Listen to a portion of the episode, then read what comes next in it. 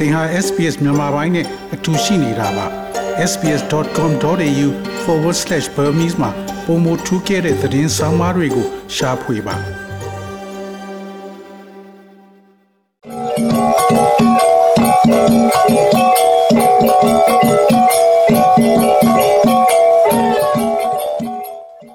ချင်းပြည်နယ်ရဲ့အမြင့်ဆုံးတောင်ကြီးအနီးကတောင်စလက်ပန်းပွဲတော်ကျင်းပနေတဲ့အတန်တွေပါ။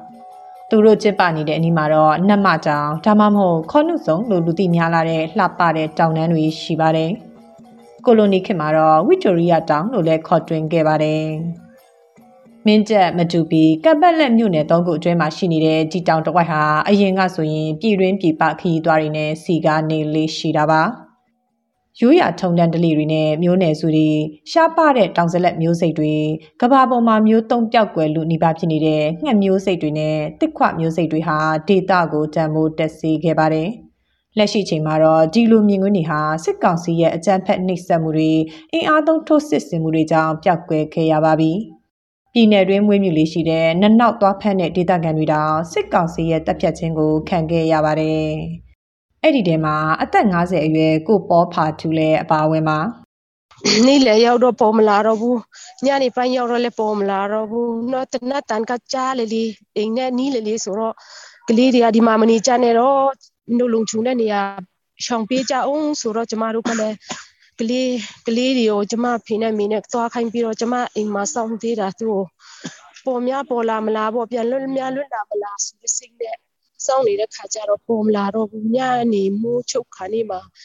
ကျမကိုကျမမောင်ကပြန်လာခေါ်ပြီးတော့ဒီမှာမနေနဲ့တော့ဟိုမှာလာတော့ကလေးတွေကလည်းငိုနေပြီဆိုတော့ကျမကသူတို့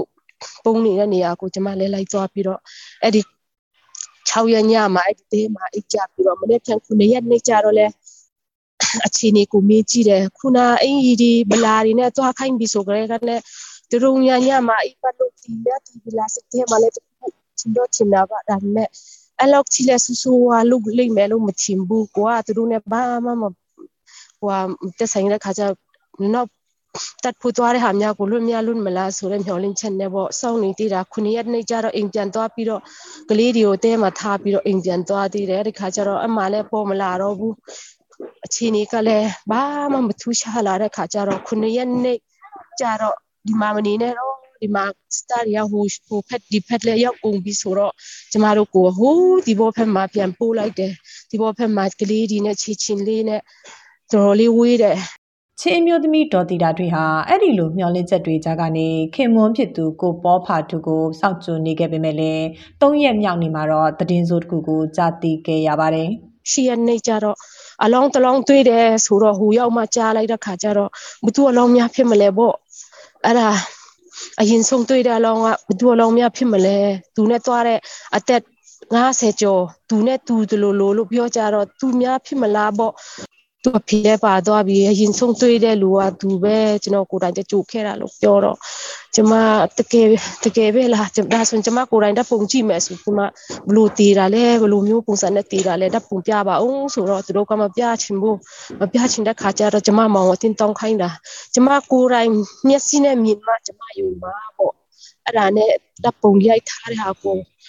ကျမကိုပြတဲ့ခါကျတော့ကျမမျိုးသားဖြစ်နေတာအဲ့ဒါမြင်ကျမမျိုးသား သူထားအင်ကြီးလည်းမပါတော့ဘူးသူအင်ကြီးကဘောလုံးအတင်းရဲ့အင်ကြီးနံပါတ်7ဝတ်ထားတာသူဘေးနားမှာပုံပေးထားတာဘောင်းဘီတွေလည်းသူဘေးနားမှာပုံပေးထားတာတွေ့တာအဲ့ခါကျသူဘောင်းဘီဝတ်ထားတဲ့ဟာတွေလည်းသူပဲဖြစ်နေတဲ့ခါကျတော့လေလေပြင်းမာလည်းဒိုင်ရလည်းပြင်းမာလှီးထားတာပြီးတော့နောက်ကျောမှာလည်းတကုံထူထားကြတယ်လို့ပြောတယ်နောက်ကျောမှာလည်းမဲမျိုးလို့နေတယ်လို့ပြောတယ်ပြီးတော့ခြေထောက်ကလည်းကျိုးသွားတယ်လို့ပြောတာပဲအဲ့ဒီတချို့တဲ့ လူကလည်းလာပြောတာစိတ်မကောင်းမဖြစ်ပါနဲ့ဆိုတော့ကျမစိတ်တော့ရအောင်တော့ထင်းတာပါတာသမီးခုနှစ်ယောက်ရဲ့ရှေ့ဆက်ကိုဘလို့သွားလဲစဉ်းစားတဲ့ခါကျတော့ဒါစိတ်နာတယ်ဘလို့မှမခံစားနိုင်ဘူးကျမကလေးတယောက်အနေနဲ့ဒီခုနှစ်ယောက်ကိုဘလို့လို့ရှေ့ဆက်ပြီးသွားနိုင်မလဲပေါ့အဲ့ဒီစဉ်းစားတဲ့ခါကျတော့ကျမဒါစိတ် နာပေမဲ့ဒါမဲ့ကလေးတွေတာသမီးတွေမျက်နှာပြန်ကြည့်တဲ့ခါကျတော့စိတ်တော့မနေထင်ထားရတာပါအဲ့ဒီရက်ပိုင်းတွေမှာပဲစစ်ကောင်စီဟာချင်းပြည်နယ်မတူပီမြို့နယ်အတွင်းကကီလှုံးရွာနဲ့လုံလော်ရွာအကြားကဒေသခံ၁၀ဦးကိုဖမ်းဆီးတပ်ဖြတ်ခဲ့တယ်လို့ CDF မတူပီကထုတ်ပြန်ခဲ့ပါတယ်။မတက်ဖြတ်ခင်မှာလည်းအဲ့ဒီ၁၀ဦးကိုလမ်းပြအဖြစ်နဲ့ရောလူသားတိုင်းအဖြစ်ပါအသုံးပြုခဲ့တယ်လို့ထုတ်ပြန်ချက်မှာဖော်ပြထားပါတယ်။ တေဆုံးသူတွေထဲမှာတော့အသက်73နှစ်အရွယ်ကလေးငယ်တဦးဖြစ်သူမောင်လန်နန်လည်းပါဝင်ခဲ့ပါတယ်။အကြမ်းဖက်တပ်ပြတ်ခံရမှုနဲ့ပတ်သက်ပြီးဖခင်ဖြစ်သူဦးရောဆက်ကတုံရတော့ရနဲ့ဟိုတုံရရောက်မှအင်ကနေဖုန်းဆက်လာလို့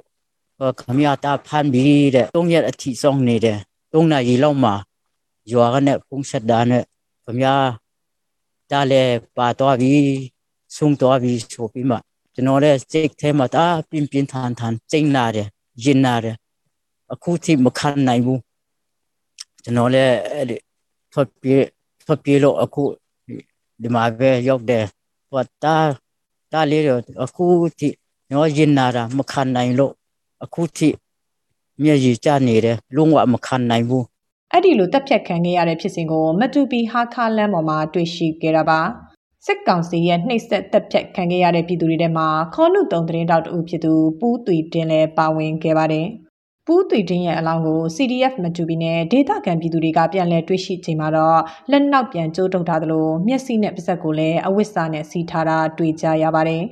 အလောင်းပေါ်မှာတွေ့ရှိရတဲ့ဒဏ်ရာတွေကတော့ညာဘက်လက်ချောင်းအလုံးအပြတ်ခံခဲ့ရတဲ့အပြင်ရှာနဲ့အောက်မေးစီကိုလည်းဖြတ်ထားကြပါတယ်။ လေဘင်းကိုလည်းဓာတ်နဲ့ဖြတ်ထားကြတယ်လို့ CDF မတူပီထံကသိရပါတယ်။ပူးသွီတင်အပါအဝင် အသက်ခံရတဲ့ပြည်သူ10ယောက်ရဲ့အလောင်းကိုဒေသခံပြည်သူတွေကမြေမြုပ်တကြိုပေးခဲ့ကြပါတယ်။ဒီဖြစ်စဉ်ကိုမြင်တွေ့ခဲ့ရတာနဲ့ပတ်သက်ပြီး CDF ရဲ့ပြောရေးဆိုခွင့်ရှိသူတို့က ဒီသူတို့ဖက်ကဒီတိုင်းမိပေါ့နော်ကျွန်တော်ဒီဒီ CDF ရဲ့လာအာတိုင်းတက်ခွက်တဲ့ဒီတိုင်းမိကနေရာကိုသူတို့စစ်သားနေစစ်သားတွေကနေသူတို့ဖြိုခွင်းတဲ့ခါကျတော့ဒီအရတားလဲသူတို့ဆယ်ဦးပေါ့နော်သူတို့အတက်တက်ခံရတယ်အဲ့ဒီအတက်ခံရတဲ့သူတွေကိုလည်းသူတို့ကဒီလေကိုပေါ့နော်သူဒါနဲ့စီးတယ်ပေါ့နော်နောက်ပြီးတော့သူတို့ရဲ့အာရှာတွေကိုလည်းချက်တယ် နောက်သူတို့ရဲ့ဒီချက်တော့ဒီလက်တွေပါတွေကိုလည်းသူတို့ဖက်ကနေအကုန်လုံးဖက်ထားတယ်ဆိုတော့တွေ့ရတယ်ပေါ့နော်သူတို့ဘလို့မတက်ဖြစ်ခင်မှာပဲသူတို့ကိုလမ်းပြလမ်းပြခိုင်းတယ်ပေါ့နော်ဒီကျွန်တော်တို့ဒီ CDF ခန်းတွေကိုလမ်းပြခိုင်းတာတွေရှိတယ် CDF တက်ကလည်းသူတို့ကိုပြန်လို့ပြန်ကြိင်ဖို့လည်းကြိုးစားပြီးမဲ့ဒီတော်တော်လေးနောက်ကျသွားပြီပေါ့နော် နောက်ပြီးတော့ဒီစစ်သားတွေကလည်းဆူလိုက်ပြန်လာတဲ့ခါကျတော့ဒါလုံးဝမဖြစ်နေတဲ့ခါကျတော့ဒီနောက်ဆုံးပေးလိုက်ရတဲ့အခြေအနေပုံစံပေါ့နော်ဒီလိုဒေသခံတွေတည်ဆုံခဲ့ရတာအပြင်မတူပီမြို့နယ်အတွင်းတိုက်ပွဲတွေကြောင့်ဒေသခံ3000ကျော်ဟာနေရက်စွန့်ခွာထွက်ပြေးခဲ့ရတယ်လို့ CDF ဇိုတန်ကထုတ်ပြန်ထားပါတယ်။ ပြီးခဲ့တဲ့ဇန်နဝါရီလ9ရက်ကစပြီး18ရက်အထိမှာတင်အာနာသိန်းစစ်ကောင်စီတပ်အင်အားတရာနဲ့ဒေသကာကွယ်ရေးတပ်ဖွဲ့တွေဖြစ်တဲ့ CDF ဇိုတန် CNA YDF YDF ရော CDF ဟာခါ CDF မတူပီ CDF ဇန်တန် CDF ဆိုပီ CDF လောက်တူပူပေါင်းတပ်ဖွဲ့တို့ကြားတိုက်ပွဲတွေ17ကြိမ်ထက်မနည်းဖြစ်ပွားခဲ့တယ်လို့ထုတ်ပြန်ချက်မှာပါဝင်ပါတယ်။ စစ်ကောင်စီရဲ့တပ်တွေဟာနိုင်ငံအာဏာကိုသိမ်းယူဖို့စ조사ချိန်ကစပြီးချင်းပြည်နယ်အတွင်းမှာဒေသအကျယ်ဝင်းလူဦးရေပမာဏနဲ့မမျှအောင်ပဲဖိအားပေးထိုးစစ်တွေပြည်သူလူထုရဲ့အသက်အိုးအိမ်စီးစိမ်တွေဘာသာရေးဆိုင်ရာအဆောက်အဦတွေကစဖျက်ဆီးတာတွေအဓမ္မယူဆောင်တာတွေလှုပ်ဆောင်ခဲ့တယ်လို့အမျိုးသားညီညွတ်ရေးအစိုးရအန်ယူဂျီရဲ့လူအခွင့်အရေးဆိုင်ရာဝန်ကြီးဌာနဝန်ကြီးဦးအောင်မျိုးမင်းကပြောပါတယ်ဒီချင်းပြည်နယ်မှာဖြစ်ခဲ့တဲ့အကြောင်းအရာတွေကြည့်တဲ့အခါမှာ ကျွန်တော်တို့နိုင်ငံတကာကလည်းအရန်ကိုအာရုံစိုက်ပါတယ်။ဘာကြောင့်လဲဆိုတော့လူဦးရေအရန်နေတဲ့ချင်းပြည်နယ်အတွင်းမှာအကြမ်းဖက်စစ်ကောင်စီရဲ့လှုပ်စီလှုပ်ရက်ကတကယ်ဝင်တဲ့အားလေးနဲ့များမတန်လောက်အောင်ဖြစ်နေတာမျိုးဖြစ်ပါတယ်။ဒါကြောင့်မလို့ကုလသမဂ္ဂရဲ့အထွေထွေအာ special reporter ဖြစ်တဲ့ Mr. Tom Andrew ကလက်ရှိမှာဖြစ်ပွားနေတဲ့အကြောင်းအရာတွေစစ်ကောင်စီရဲ့အကြမ်းဖက်လုပ်ရက်တွေက2016 2019အတွင်းမှာရိုဟင်ဂျာတွေပေါ်မှာကျူးလွန်ခဲ့တဲ့လောက်ရအတိုင်းပဲဖြစ်တယ်အစုလိုက်ပြုံလိုက်တပ်ဖြတ်မှုတွေနေငင်ရှင်းလင်းရေးဆိုတဲ့အတိုင်းမြေလံစနစ်နဲ့လှုပ်ဆောင်နေတဲ့ပုံစံတွေဖြစ်တယ်ဆိုတာကိုသူ့အနေနဲ့ထုတ်ဖော်ပြောကြားခဲ့ပါတယ်ချင်းပြည်နယ်ဟာစစ်အာဏာသိမ်းကာလအတွင်းမှာဒီမိုကရေစီအရေးအတွေ့ရရလက်နက်နဲ့ခုခံစစ်ကိုဆင်နွှဲခဲ့ကြရတာပါ